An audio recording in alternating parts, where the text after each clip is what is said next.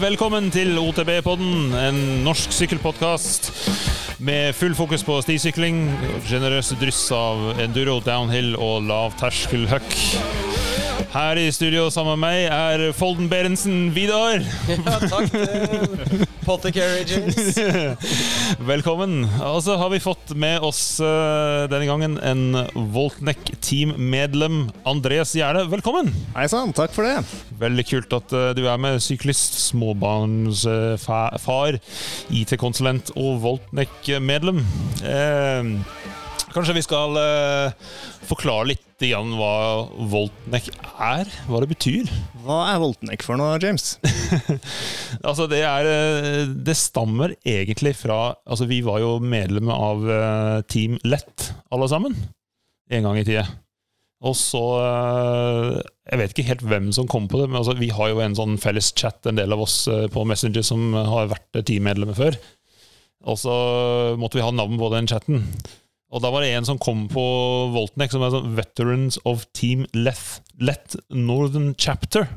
Ja, jeg tror det var jeg som skrev Veterans of Team Leth, og så var det var det det at det, det var egentlig bare for at vi som bodde her i Oslo nord, kunne sykle sammen, så det ble en liten diskusjon, og så til slutt så ble det no chapter, det høres veldig motorsykkelklubb ut. for det er så enkelt som det. Ja, for vi bor i Nordre Aker alle sammen. Nordre Aker, ja. ja mm. stemmer det. Ja, ja. Men uh, Andreas, uh, bare fortell litt kjapt om det sjøl, egentlig. Jeg vet ikke noe om det, de som lytter. på. Nei, du tok jo greit introen, egentlig. da. Pappa til uh, to små barn, fire år og seks måneder. Bor her i Nordre Aker i sykkelmekka rundt Årvollåsen og Hefsenkollen. Sykla mye. Liker aller best å sykle fort nedover og enduro, men koser meg gjerne på en, en lang stitur, eller, eller på landeveien også. Ja, for du har jo vært med på Ultrabirken før, blant annet? Jeg sykla Ultraen to ganger, det var, det var helt rått. Ganske ålreit tid du fikk òg, husker jeg. Ja, det, jeg var i form da. Det begynner ja. å bli noen år siden. Ja. Det har gått litt bort. Det er noe med, det er noe med seg her kidsa, de greiene, altså. Når du får klemt inn én gang i uka istedenfor hver dag, så, så, går det Ja, da bruker jeg fokuset på nedover istedenfor lenge bortover. Ja, for jeg husker da du begynte i Team Lett. Eh, da tror jeg kanskje ikke du hadde syklet så fryktelig mye teknisk eh, fort nedover? Kan det stemme? Nei, ikke så mye. Jeg ble jo med for å bli god teknisk både bortover og nedover. Ja. Ja, jeg, jeg, husker godt den første turen vi hadde. Da, da lå jeg liksom i, i fortroppen på denne Bli kjent-turen, og du, James, lå veldig godt i baktroppen, tror jeg. Ja, for da, da jo, kan jeg jo si at eh, formen din var jo helt eh, Altså, det var bra, for å si mildt. Ja, den var god, og så ble den insane i løpet av et par år. Du, ja, du var, du var, kanskje den jeg kjente på en periode som hadde best form av alle. Ja, det mm. Absolutt. Nei, nei. Men eh, nå er det mest nedover, da. Eller når jeg kommer på sykkelen, så er det kose seg oppover på cruise og så ha det gøy nedover også. Ja. Og Vira, du har blitt frisk med et ja. ribbeinsbrudd. Eller nei, faktisk brudd, det var jo brist. da. Ja, ja. Det, det, det, er jo aldri noe sjekka opp, så er jeg enten mellom brudd eller brist. Altså, hvis det er brudd, så kan det vel være litt uh, Ja, jeg har sikkert merka det. Mm. Uansett, jo, det, det var uh, det var eh, mye vondere enn jeg huska, for jeg har jo brista det mange ganger før. det, var jo så, det er jo aldri så vondt første døgnet. Så sist podkast vi spilte inn, så hadde jeg akkurat nyknekt. Så jeg plagde meg ikke så veldig. Men det, ja, det var litt vondt den første uka, men også litt småvondt den andre uka, og så er det greier og greier. men det som er helt utrolig, er at til tross for bristet ribbein og at datoen ble flyttet, noen var på ferie, og noen har vært litt sånn småsyk med sånn typisk sånne barnehagesykdommer og sånne ting. Så klarte vi alle mann, alle tre, å stille til Drammen Enduro. Det er helt rått. Det var, eh, det var litt spesielt.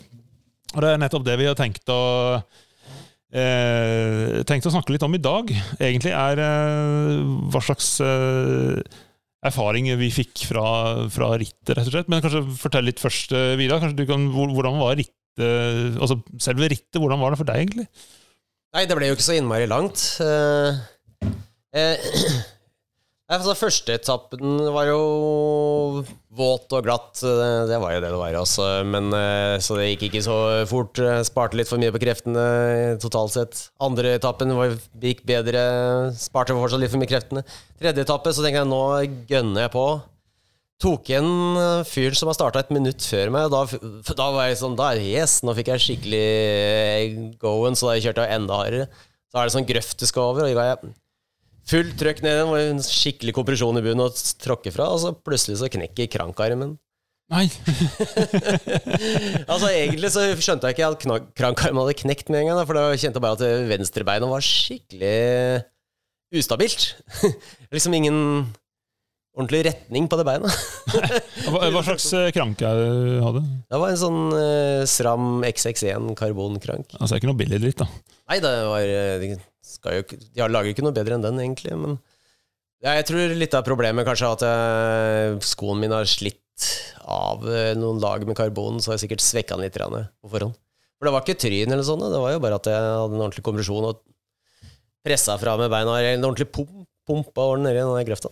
Mm. Det har jo hatt litt eh, flaks også, da, siden det ikke var sånn eh, rett av brekkasje, som det ofte blir med, med krank. Ja, ja, ja, ja. Nei, det er absolutt eh, Jeg er glad for at jeg ikke tråkka gjennom den. Da. Jeg har tenkt flere scenarioer som kunne gått skikkelig dårlig hvis jeg tråkka rett igjennom den nedi den harde kompresjonen. Men det er kanskje litt fordel med karbon. At, eh, altså det er jo fiber, på en måte, som er jo limt og sydd sammen. og sånn. eh, Ja, det er sant. At, det. at eh, altså, det er jo Det knekker liksom ikke tvers av.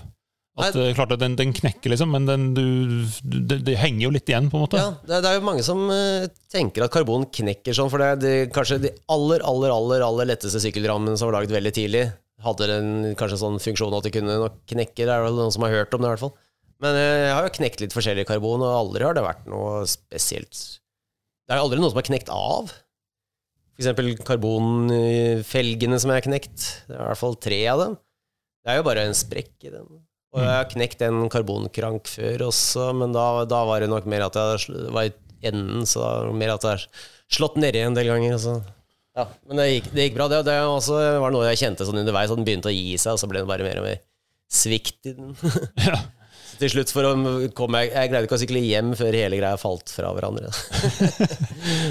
Ja, men jeg føler at det, det er jo egentlig å knekke en krank, og spesielt en XXE-krank, det er jo en liten level up, rett og slett. Ja, er altså, stjerne i boka. Hvis jeg først ikke skal fullføre, så er det greit å ha liksom ødelagt et eller annet som i hvert fall eh, hinter til at man har brukt litt krefter. da Ja, for du var ikke veldig nysgjerrig på om du kan fortsette her. Nei, jeg begynte å bli ganske sånn sikker i min sak. Om at dette er, for jeg begynte å trille ned, nedover. Da tenkte jeg hver fall trille ned til mål. Også. Men når det står bare på én pedal, da blir den pedalen fryktelig lav. Er fulldemper, og så smeller det ned i absolutt alt. Jeg fattet jeg måtte sitte på setet og ha beina ut til siden, så da var det jo litt vanskelig å komme noe særlig sted. Men jeg håpet du eh, fulgte regel nummer 63 av The Eurobiker, eh, som står at eh, hvis, eh, hvis, hvis du må bryte ritt eh, pga. Eh, svikt altså mekaniske svikt, eller noe sånt, så, så må du da gå rundt eh, pitle, pitten, altså pitline, og med den delen rundt halsen, spraden rundt. For å vise alle sammen. Ja, nei, altså, jeg hadde jo ikke lest disse reglene. Drit ut sponsorer. Jeg har jo ikke noen sponsorer heller, så Det var kult, da. ja, ja. Putte litt kvist opp i håret. og litt sant, sånn. Ja, så det ble litt kjip avslutning for deg, da. Ja, det ble det. Men eh, det var jo faktisk ganske sosialt å være nede i pitten, i målområdet der. Eh, fikk jo pratet med mye mennesker, og jeg hadde jo egentlig en ganske fin dag allikevel. Mm. Tross alt. Faktisk, jeg møtte jo Jeg sykla jo ned en av de veiene folk går opp, da, for ikke å være i veien for racere, så så jeg fikk jo prate med mange par på vei nedover. det er jo uortodoks at folk kjører ned der oppe i traseen. Uh, Ja, men det er bra. Men uh, med deg, Andreas. Jo, Hvordan var rittet for deg? Det begynte jo, eh, som, eh, som Vidar var på, det begynte jo ganske kjipt med første fartsetappen. Man må alltid sykle seg litt inn i en hitte det som kom i gang første etappen. Men eh, her så følte jeg jo bare at det var elendig dårlig. Sklei jo rundt på glatte røtter ble jo skikkelig overraska over hvor, hvor vanskelig det var å skulle sykle fort, plutselig. Ja, fordi det hadde vært eh, altså Jeg var i Drammen dagen før, skal snakke om, om litt, men eh, det var knusktørt. Eh, men så regner det ordentlig heftig natt til eh, lørdag, altså rittdagen. Og det tror jeg de fleste forventer at det skulle tørke opp såpass fort at det ikke måte, At det egentlig ble bare bedre, ble bare sånn hero dirt ut av det. Ja, jeg så jo folk med Dry and Dusty og hadde etter tips fra Vidar putta et par PSI ekstra i dekka, for det var mye high speed. uh, vi så det på filmen kvelden før, at her var det mange segment som gikk skikkelig fort, så jeg pumpa litt ekstra luft i, rett og slett. Ja. Det var ikke noe sjakktrekk på, på første etappen der. Så, så begynte man å skli ganske godt i rundt og var nedpå en hard høyre. Det var selsom start.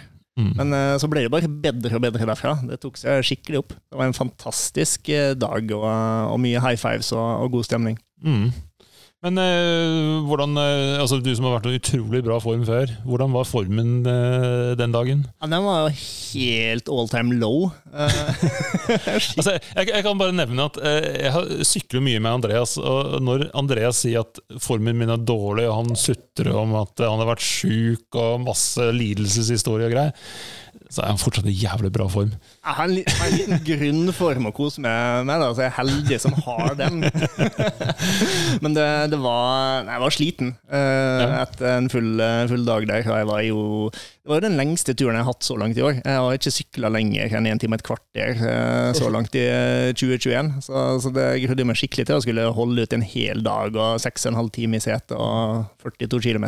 Ja. Det, det gikk jo veldig greit, da. Det kommer jo med rundt. Men altså, Du visste ganske lenge i forveien at du skulle til eh, Drammen Enduro, eh, og spesielt siden det ble utsatt. og sånn, Men, men du, har, du, er jo småbarnsfar, så du har ikke langt eh, så mange timer i sykkelsete i uka nei, nei, som du skulle ønske? Maks én tur i uka jeg hadde blitt liksom, gjennom sesongen. Så altså, det jeg måtte gjøre, var bare å jobbe med, mer med huet enn med formen, og stille meg inn eh, på at uh, nå skal jeg ha en morsom dag på sykkelen, og ikke, ikke, prøve å ta samme tidene som jeg hadde, eller samme plasseringer som jeg hadde, eller kjøre like fort. da. Men de få, få, timene du har i uke til å sykle, altså hvordan, når du vet du skal på ritt altså, Tenkte du ikke på ritt i det hele tatt, eller hadde du noen sånn forberedelse? Tok noe spesielt? Uh... Det her var jo rett etter sommerferien, så, så jeg hadde jo med meg sykkelen på ferie til, til Sunnmøre. Så jeg fikk jo en, en, dag i Hafjell på veien opp, og fikk en dag på Strandafjellet, som er det var rake motsetning av Drammen. Da. Det, er jo, det er jo rett opp og rett ned, mens Drammen er ganske slakt. Men jeg fikk sykla. Ja. Fikk jeg tre dager i Trysil, hvor jeg klarte å Det var også en sånn familietur, så jeg fikk klemt inn en, en time med trening hver dag da, et par uker før. Ja.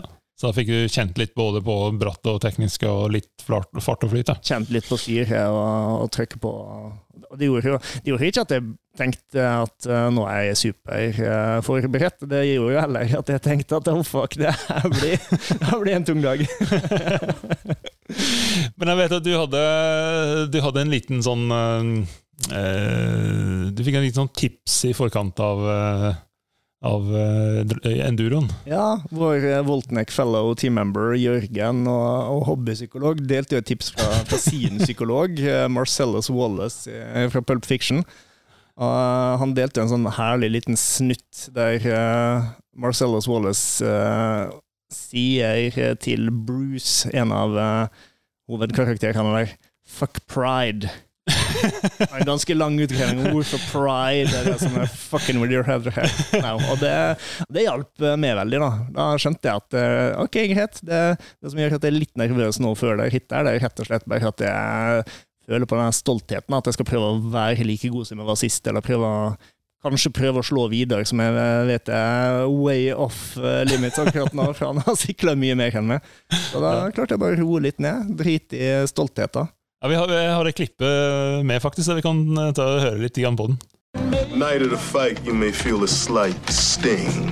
I just can't see. That's pride fucking with you.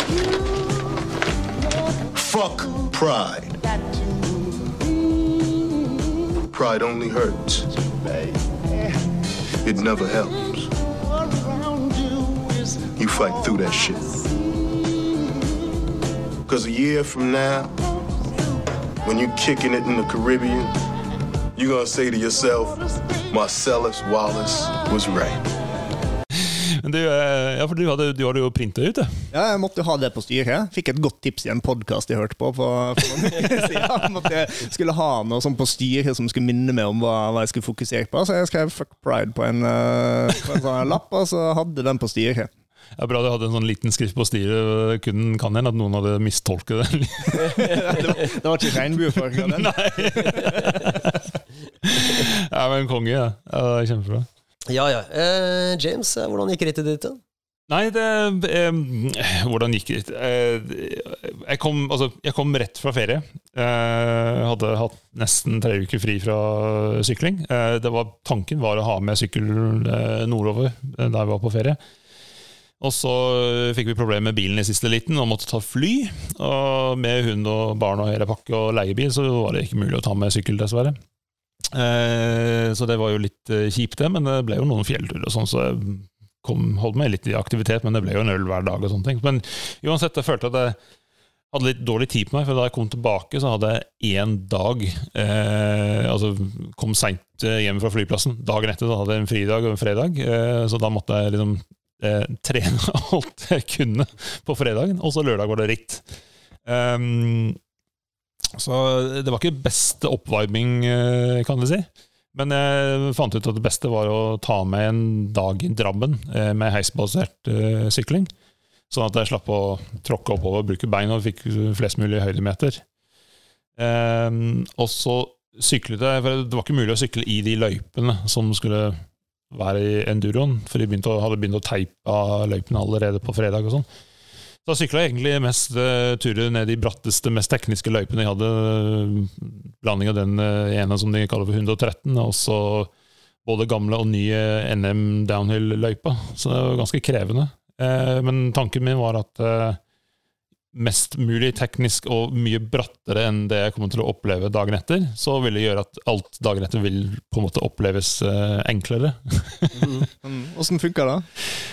Eh, det fungerte på den måten at jeg sto nede på parkeringsplassen på første gang, for første gang og ikke var redd for at jeg skulle eh, bli lam. Eller, altså, altså, jeg, jeg, får så mange negative tanker i hodet mitt på rittdagen. Jeg, altså, jeg var jo veldig nervøs. Da. Jeg var fryktelig nervøs, men eh, jeg hadde ikke de der sånn katastrofale tanker i bakhodet. Og så Egentlig så gledet meg veldig til å komme i gang, og jeg vet at de eh, Altså eh, Løypene er jo veldig over, altså absolutt innenfor for meg. Er alltid litt spent på hvordan jeg skal sykle. Men så, så, sånn sett så syns jeg det funker veldig bra.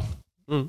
Uh, I Drammen så er det veldig snille med hvordan jeg teiper løypene også. Det, det, passer på å liksom, ta det rundt alt som kan være ganske sketchy. Ja, ja nettopp. Du vet jo når du sykler der, selv om det er blindt, så vet du at eh, du blir aldri kasta ut fra et blindt dropp eller noe.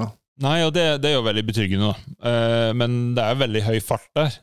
Så det er kanskje det som jeg er mest uh, engstelig for, for at eh, jeg får ikke sykle så høy hastighet over så lange strekninger til vanlig. I hvert fall ikke her på Lillo.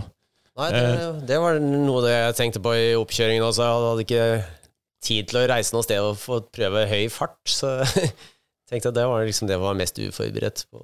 Mm.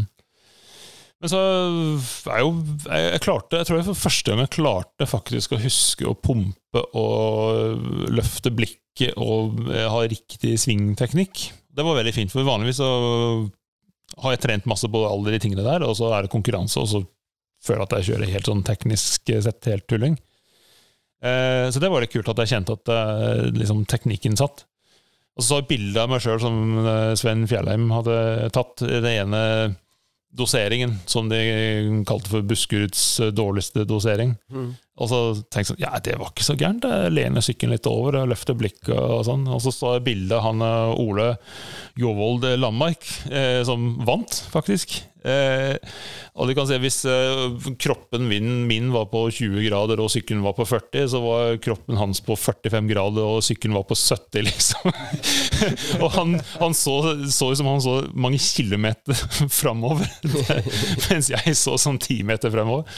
Så, altså, men for meg så, så var det Ja, så, så, fungerte det bra. Så hadde jeg det veldig gøy. Da. Men eh, så fikk jeg litt teknisk problem. da og det var eh, setepinnen som bestemte seg for å takke for seg. Eh, begynte allerede etappe igjen. Eh, skjønte ikke helt eh, Jeg trodde jeg hadde surret med å sette setet ned eller opp. Eh, sånn at merket at det var liksom halvveis opp. Og så jeg, jeg trodde jeg hadde satt ned. Og litt sånne ting Og så i etappe to så skjønte jeg at den Når jeg satt på den, så begynte den å synke litt. Igjen. Men når jeg satte den ned, så begynte den å krype opp igjen. Og det ble jo fryktelig plagsomt.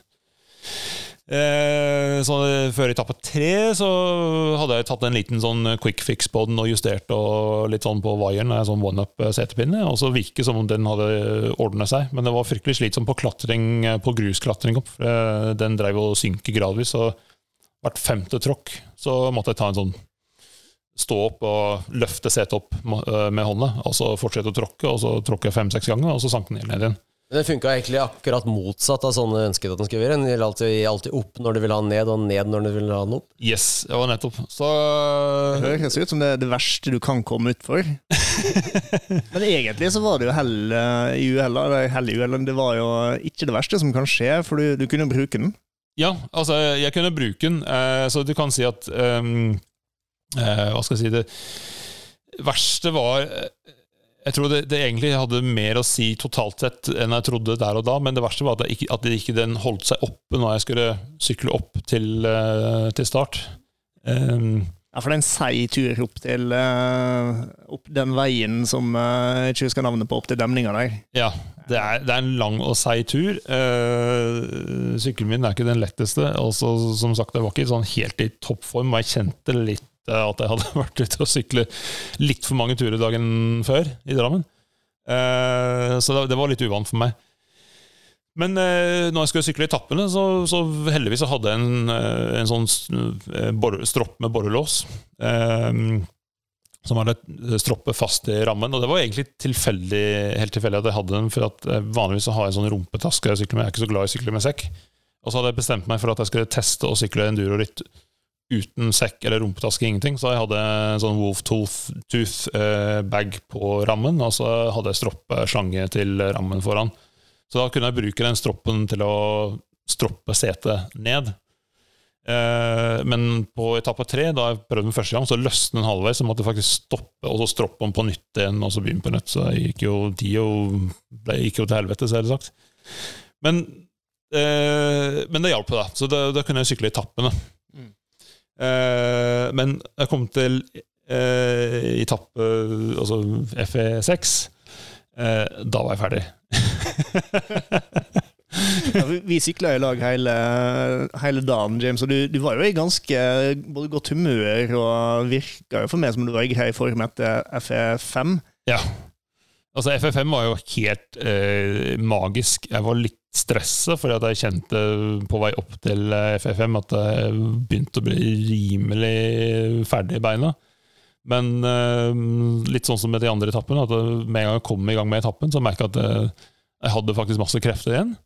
Så tenkte jeg at det samme ville skje med eh, FE6, men det skjedde ikke. Det, det var sånn at jeg var så sliten at det var sånn at jeg tenkte det her er ikke forsvarlig å sykle. jeg, altså jeg sykla Ultra Birken og terrengsykkelritt og sånne ting, men jeg har aldri vært så jævlig kjellen som jeg var.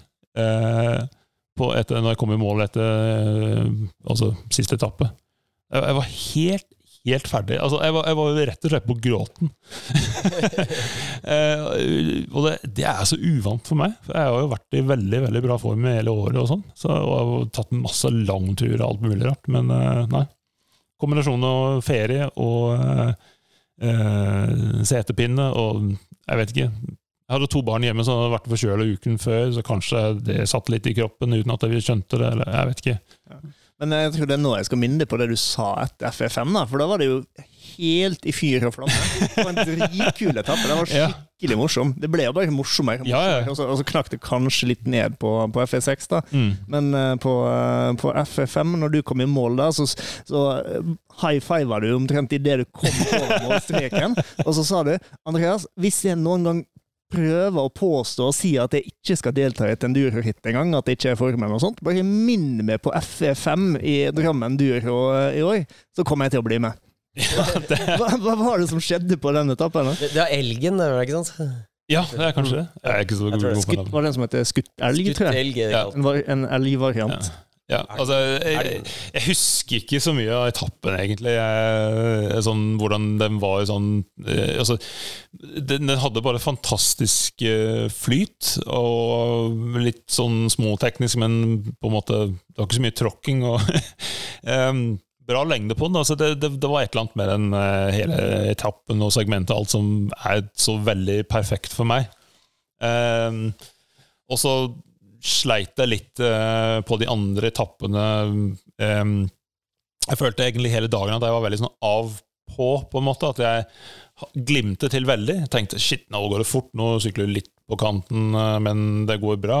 Og sånn. Og så eh, gikk det altså 100 meter, og så så hadde det liksom slukna igjen.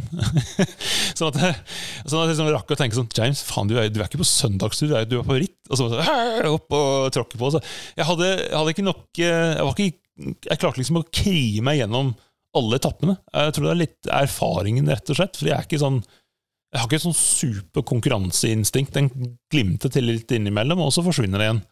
Men det hjelper ikke så veldig når det er sånn midt i en etappe. Altså, jeg skulle ønske at konkurranseinstinktet min forsvant på transportetappene. Og så kom tilbake når det begynte på På stagen. Men eh, ja, nei, men FFM var bra. Altså det, du skal minne meg på det neste gang jeg sier sånn Nei, jeg orker ikke å sykle litt. Ah, jeg skal minne på det mange ganger. Nei, så det var, det var min dagen. Men eh, oppkjøringen, uh, Vidar eh, Bortsett fra ribbein og sånn. Altså, hvordan, er, hvordan forberedte du deg til rittet, egentlig? Ja, nei, jeg hadde jo også sånn deg litt ferie først, men jeg hadde jo noen par uker hjemme etterpå.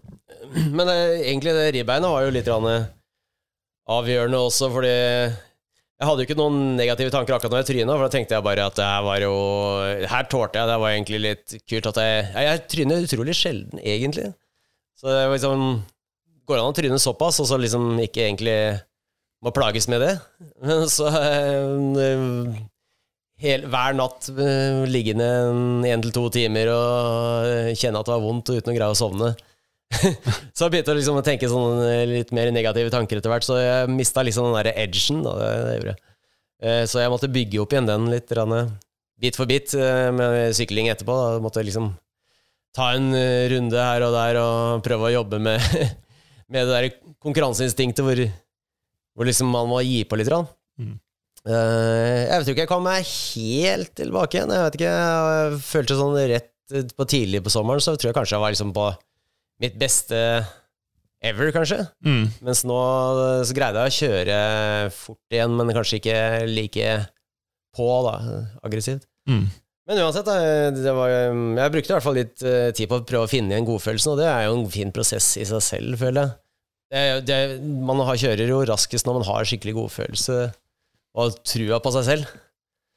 Og ja, jeg vet ikke. Jeg prøvde å liksom finne segmenter som jeg mistenkte at jeg kom til å trives på.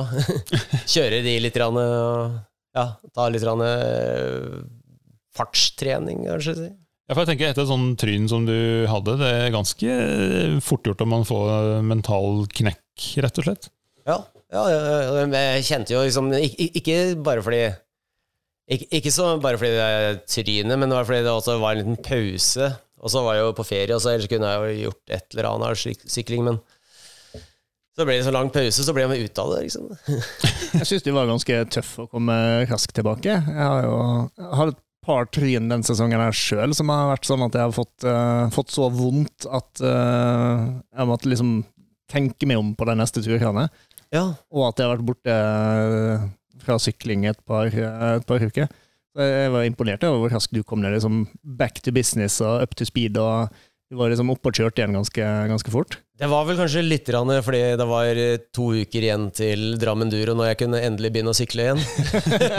så da måtte jeg liksom lage meg et sånn internt skjema, nesten. så, men jeg vet, du har jo hatt faktisk to tryn i år som har gjort skikkelig vondt, og med ikke så veldig lang tid imellom. Det må jeg ta Altså, det som jeg tenkte på, hvis jeg gjør det en gang til, så tar det jo litt sånn knekken på den lille resten av Ja, og for, min del også, nå, som går um, jeg er småbarnsfar, jeg har ei jente på seks måneder hjemme. Det å skulle eh, skade seg så mye at du ikke kan liksom trå til, det, det er på en måte ikke aktuelt. Nei. Jeg var jo uh, veldig heldig under uh, min uh, pappapermisjon for eh, snart fire år siden og klarte å knekke ei hand bare tre uker ut i permen. Og ja, var liksom udisponert for ble- bleieskift. Det, det er jo ganske upopulært eh, både, både hjemme og for egen del, egentlig. Så, så jeg, for meg ble det ganske sånn støkk når jeg bare, bare slo meg litt nå. Så, så det, det er vanskelig å komme seg tilbake igjen fra, fra sånt, syns jeg. Ja, det er jo litt sånn, for det er jo tanker som kommer på siden, og for meg så var det jo ikke så mye at eh, Ikke smerten i seg selv, men det ga meg tid til å sitte og tenke på, på smerten. Og så begynte jeg å tenke at det, det, det brista jo på, ved ryggen et eller annet sted, på ribbeinet. Så jeg begynte å tenke hva- om jeg også, Hva om jeg har ødelagt noe i ryggen også?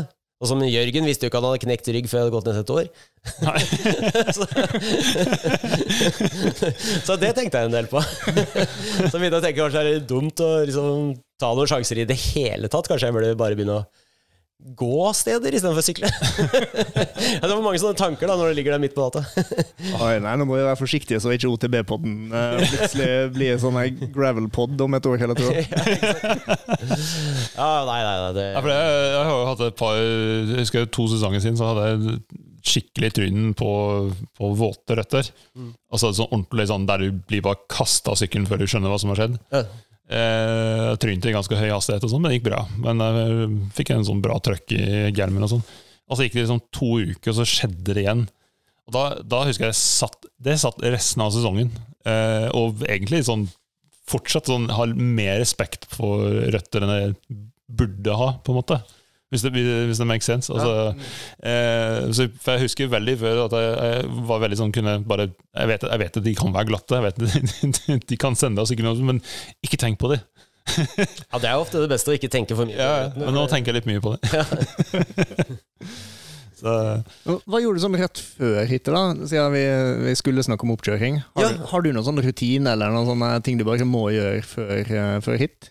Altså, egentlig jeg prøvde å tenke litt på det å samle overskudd. Jeg vet noen øh, har liksom øh, den typen form hvor de bare får mer overskudd jo hardere de trener, nesten. Mens jeg tror jeg samler litt overskudd. Så jeg, jeg, men for ikke liksom For å kompensere litt altså for så mye ferie og skadeavbrekk, så tok jeg jo trente når, Nest siste uka så trente jeg ganske hardt. Eh, og flere ganger. Eh, og så siste uka så, så trente jeg litt sånn korte turer, og i tillegg kjørte jeg veldig rolig på transporten, men så kjørte jeg veldig hardt på segmenter som var type sånn et, eh, litt over ett minutt lange. Så at jeg liksom får liksom eksplosiviteten, og den, den kan jo fortsette å bygge, og bygge overskudd samtidig. Da. Altså får du litt sånn race-feeling også? Ja, det er kanskje først og fremst det der psykologiske. Eh, Det er mye bra for eh, kroppen, men eh, det psykologiske med å kunne kjøre fort, for det er jo en egen greie. Og jeg, jeg har jo jeg har gnukket litt på noen Strava-segmenter i nærheten, og jeg vet jo forskjellen på å være ganske langt bak på de, eller bare kanskje kunne ta en kom på de, er jo ofte at du har den der siste innstillingen med at det, dette her, eh, det skal gå så fort det brister og bærer, og eh, så, det skal være så vidt utstyret klarer seg, liksom. Det, er, det er skal såpass til når det Krankarmen, eksempel. ja, ja. Men eh, sånn som på enduro er det jo enda mer konkurranse, men jeg føler på sånn en del sånn du tar jo Strava-segmentet i stedet hvor de store navnene plutselig kan dukke opp, så må de jo, må de jo kjøre litt sånn som de gjør. Og det er jo ikke Man trenger ikke å være like flink hvis man gjør bare sånn som de, men man kjører like hardt og kjenner segmentet. Det står Det er litt gøy å kjenne på hvordan, eh, hvordan det er for de å cruise igjennom. Ja, ja, ikke sant? Det er det.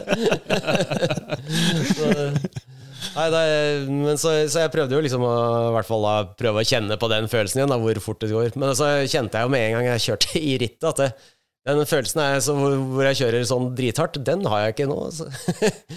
Jeg, tror jeg, jeg tror jeg har jo kanskje da også gjort litt sånn det at jeg har trent mye på kjente stier, gjør at jeg ikke er, fortsatt ikke blir så veldig mye raskere på ukjente stier. Mm. Eh, Jeg tror nok kanskje hvis man skulle hatt god tid og masse greier, så skulle jeg reist litt rundt og prøvd litt forskjellig for å bli rask når man kjører blindt. da. Ja. Men eh, hva med deg, Andreas? Gjorde du noe altså, Bortsett fra at du ikke fikk sykkel i nærheten av nok som du vil, men eh, var det noen noe sånn, eh, teknisk forberedelse du tok i forkant? da? Jeg sjekka jo sykkelen, sjekka at uh, alt det mekaniske skulle funke som godt nok til å komme seg gjennom. Mm. Kjedestrekk og alt det der. Det, det hjalp jo ikke, fordi jeg fikk jo en mechanical på, eh, Ja, fortell hva som skjedde. på FE3. FE3 det var jo skikkelig drittetappe. Vi der. Ja, jeg gjorde jo det annet dumt der, alle sammen. Altså, jeg ble jo supermotivert da jeg så Vidar tråkke ut i full fart. Så, så litt sånn spontant så, så kom det, da jeg skulle tråkke ut fra starten, så kom det et lite løvebrøl, eller et, et skikkelig sånn Hua!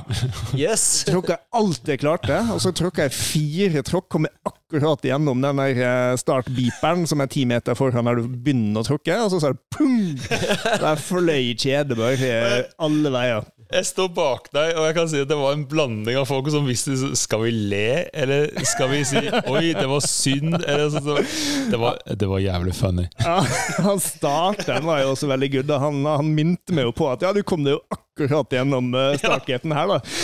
Ja, det var sånn fem meter etter rekker å starte klokka, i hvert fall. Det var en- en- første tingen oh. på sjekklista er gjort. Ja, da, nei, altså, det, var, da var mechanicals eh, et faktum, og jeg kan si mye om hvordan det, det gikk, da, men eh, jeg brukte gode åtte minutter har jeg funnet etterpå på både lappe kjedet, komme i gang igjen, og så spratt av en gang til, for det gjorde det skikkelig eh, når jeg skulle få det på igjen. Og så. Ja, jeg var veldig glad for å ha to kjedelåser lett tilgjengelig, da. eller lett tilgjengelig iallfall. Ja, for jeg, jeg står og titter litt på deg, og så jeg skulle starte rett etter deg.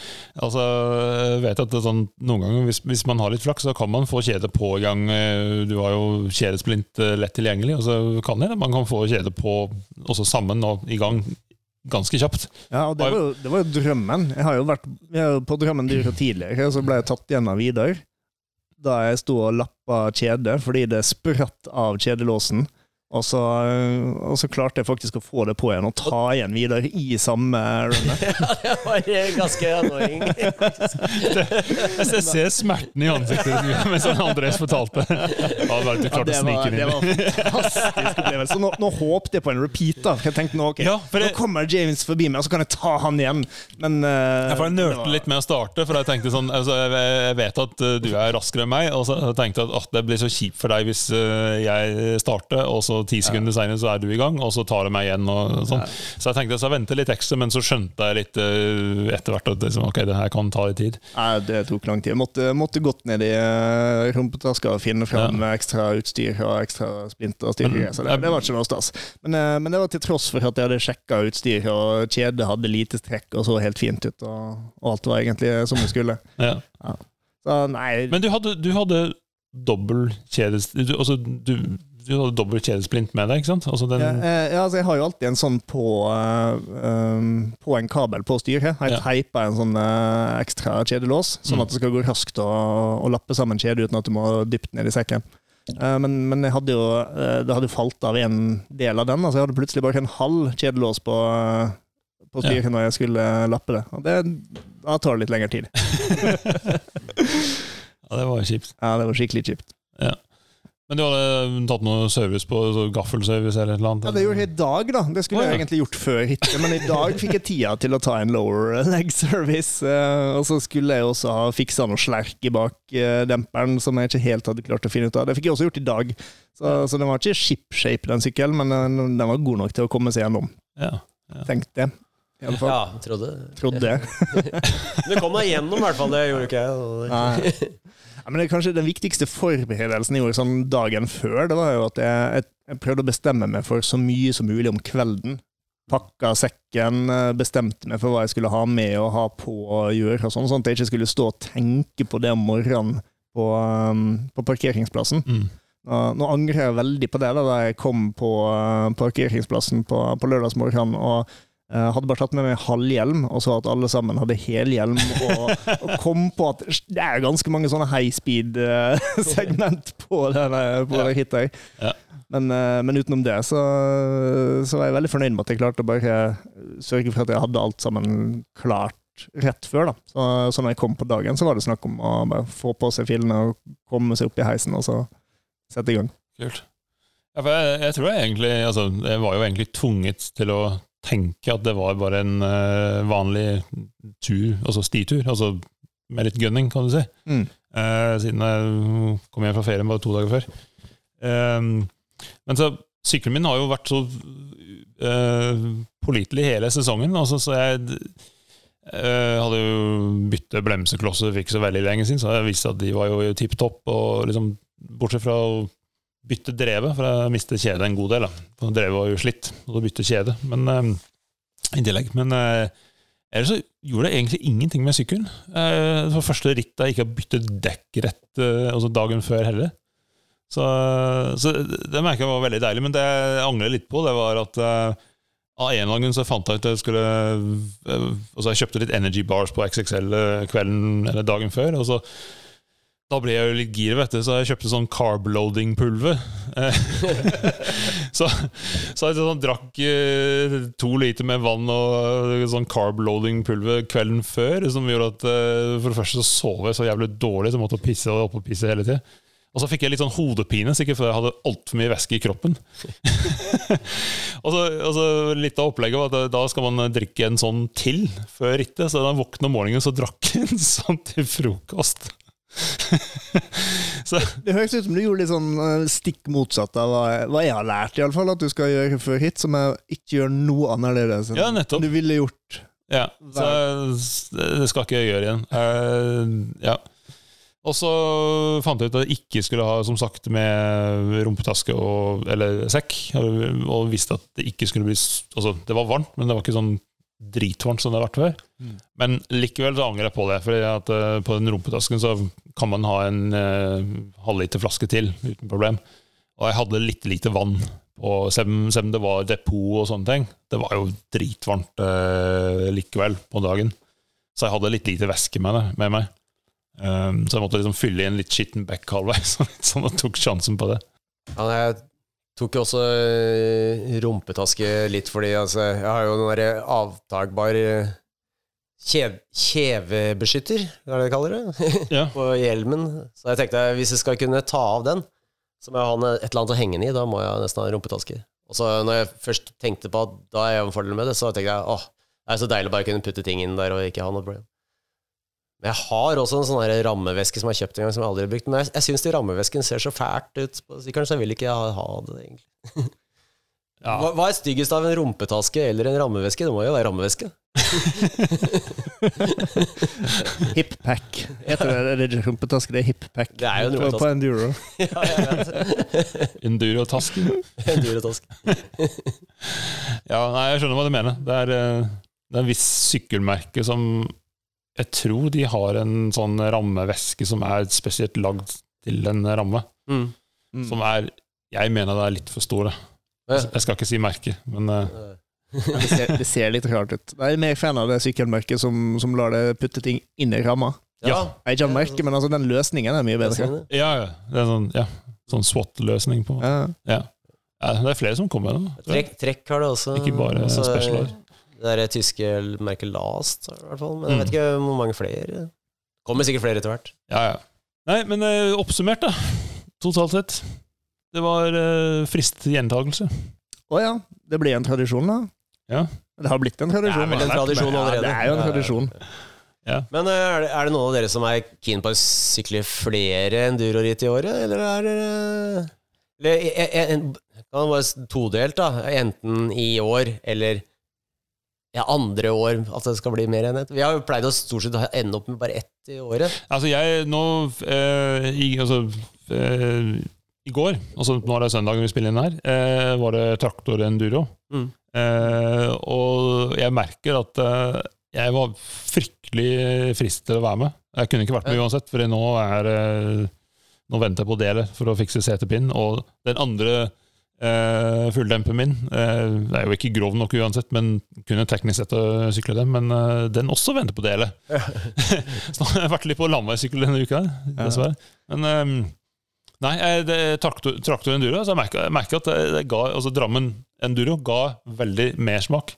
For jeg følte at jeg ikke fikk eh, på en måte vist det helt i nærheten av det jeg egentlig kan på en sykkel. Og så har jeg veldig mye. Og det liksom et eller annet med å få det første rittet ut av verden. Og, ja.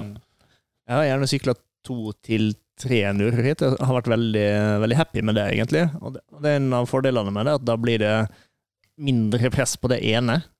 Ja, det er jo den store fordelen, tror Sånn, jeg. hvis, du, hvis du tenker at du skal ha noe godt resultat, iallfall, da gjør ikke det så mye å knekke en krankarm eller uh, sprekke kjede eller uh, noe sånt på, på ett av dem. Ja.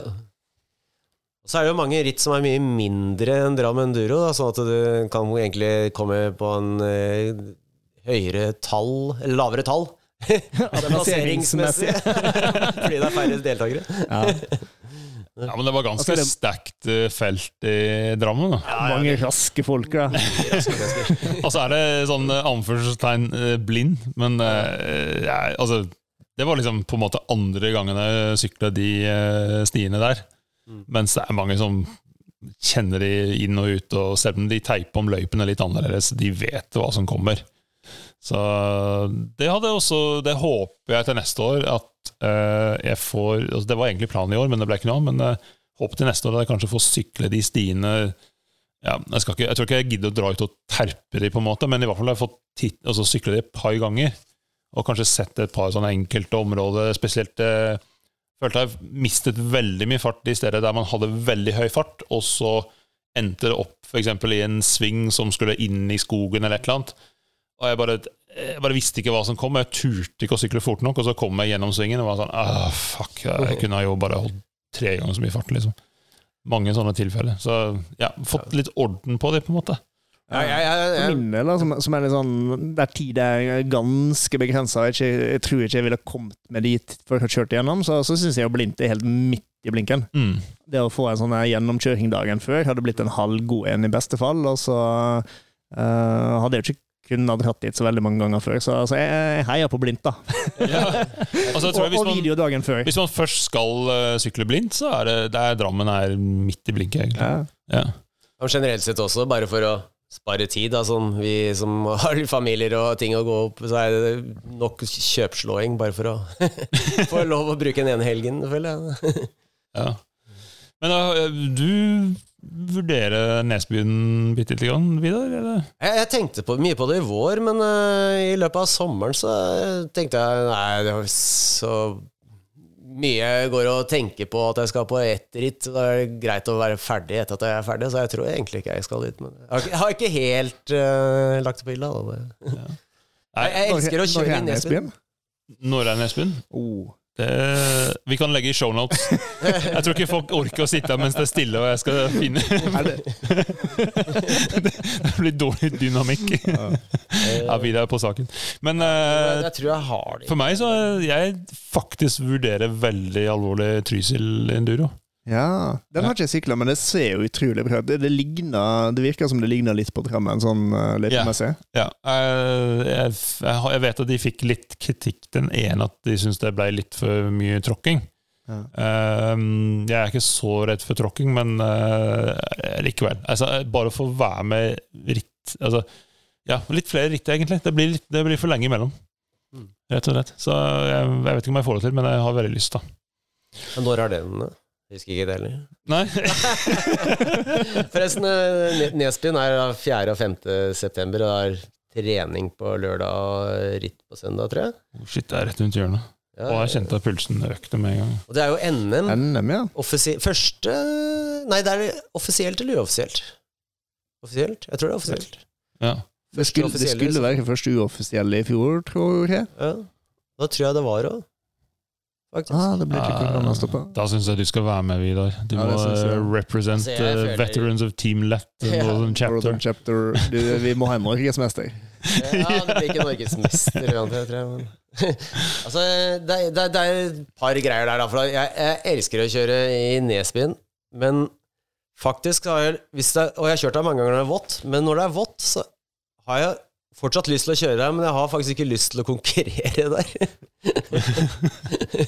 Jeg skjønner. Nei, jeg skjønner hva du mener. Det, er, det går fort, og det er prat. Ja, ja, så er det sånn derre noen steder hvor du liksom Hvis du bremser ned, da, så tar det veldig lang tid å komme over en strekke, men uh... Men Vidar, det er bare én ting. Fuck pride. Fuck pride. Ja, men da kan jeg jo delta, men da kan, da kan jeg jo dra opp en annen helg også. Jeg, jeg, jeg sykler, det- som du vet, jeg sykler Nesbyen enduro. Første enduro-ritt noensinne i 2015. Ja, Du kommer gjennom. ja altså, kommer gjennom er jo ikke bekymra for. Så det var, kanskje du skal utvide. Du kommer gjennom. Fuck Ja. pride. ja, veldig bra. Nei, men øh, håper dere fikk litt ut av ja, hvordan det var for oss som sykler. Kanskje noen tips. Eh, sikkert en god del som dere eh, fikk vite og ikke skal prøve på sjøl. men eh, det kan jeg si at eh, neste episode, da skal vi få en ordentlig proff eh, som forhåpentligvis skal komme mye mer enduro-tips og forberedelse og trening. alt mulig. Det er Ole Jovold Landverk som vant eh, Drammen Enduro og vant Traktor Enduro. Ja, og har kjørt noen EVS både i år og tidligere år. Ja. Så eh, mens eh, Så, så du kan si at eh, din kom-fart er hans cruisefart. Det kan vi si. En som kanskje har litt mer oppladningstips enn jeg kunne komme med, da. Ja. Ikke sant? Men vi representerer de van, altså vanlige mannen i gata. Vi er bredden. Ja, vi er bredden. Kanskje det skal bli motto til OTB-podden. Vi er bredden. Nei da. Men eh, vi hadde en eh, konkurranse eh, da vi hadde Martin Winne inn. Eh, han skulle dele ut en Rental karbonstyre i valgfri Rise til eh, en eh, heldig vinner. Og så har vi plukket ut en, og det er Jostein Auten. Jostein Auten, tror jeg. Auten? Ja, riktig. Jeg skal sende Jostein skal sende en melding, men han tok eh, bilde av seg sjøl og tok, eh, han høkke den derre Buldredroppet i, i Hafjell. Det er ganske heftige greier. Det er en sånn liten sånn uh, skarpskytterlanding uh, som du må treffe. Den ikke er veldig lang, den, eh, hoppet er veldig Eller droppet er veldig høyt, og en veldig sånn smal planke du skal kjøre ut på, egentlig. Ja. Han kan se det, men vi syns det fortjente en, eh, et nytt eh, styre. Så eh, gratulerer med det, Jostein. Eh, da var vi gått gjennom det meste, men det må jo vel bli en liten tur innom eh, skriftestolen i dag.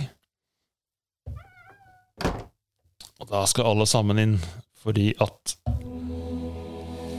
vi må komme med en liten tilståelse, og det er eh, nettopp at eh, Ja, det, det er Det er, det, Det er- det er dårlig planlegging og lite logistikk, eh, først og fremst. Men Ja. eh, vi valgte å synde istedenfor å utsette podden.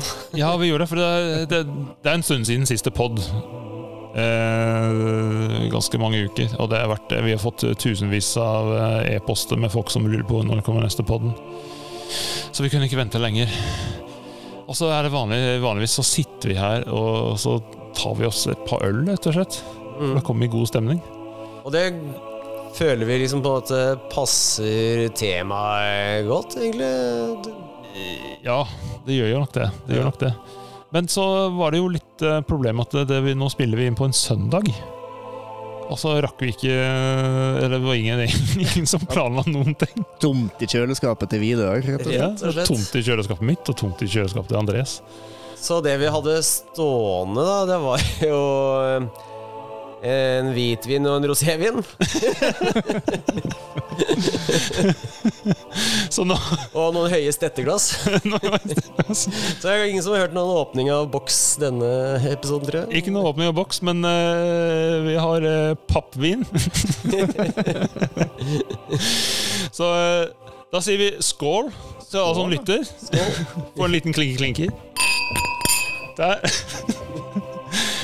Takk for at dere lytter til. Eh, neste gang så Hva, er hva, hva, hva slags, eh, slags eh, penance Hvordan skal vi gjøre godt for dette her? Ja. Jeg, jeg tenker i hvert fall Andreas Han får da kjøre en del runder med skinwall på ene hjulet svart dekk på det andre hjulet. andre hjulet. Ja, eh, Det har han gjort allerede. det har jeg gjort halve sesongen. Ja, Det er vært en, ekstra- det er verdt en runde i skriftestolen, bare det, syns jeg, altså. Eh, nei, det hva, hva kan straffen bli, Vidar? Altså, det, Andreas ja, han har jo fått sin straff, så han må jo bare fortsette. den på Han har tatt den på forskudd, ja. ja. Altså må du bare kaste inn eh, ti av Marie, så, så er det innafor. Men uh, for deg, Vidar det, det er rett og slett deltakelse i uh, Offroad Valdres i uh, 2022. Nei, det, har jeg jo ikke sykkel til. Ja, men det, det, kan, det, det skal vi skaffe.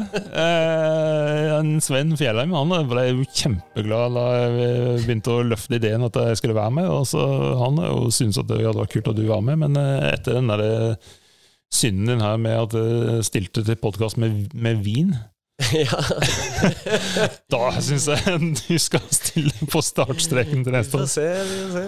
Ja. Ja, ja, nei, Hva slags straff skal du få, da? Du, du må jo Jeg, altså, litt uvant, kanskje, men jeg, jeg, jeg har egentlig en straff til meg sjøl allerede, Oi. som jeg faktisk har seriøst tenkt jeg skal gjøre. Og det er for at jeg er så lei av at jeg ikke har noen terrengsykkel akkurat nå jeg kan sykle på. Så jeg skal hive eh, grusdekk på eh, cyclocross-sykkelen min.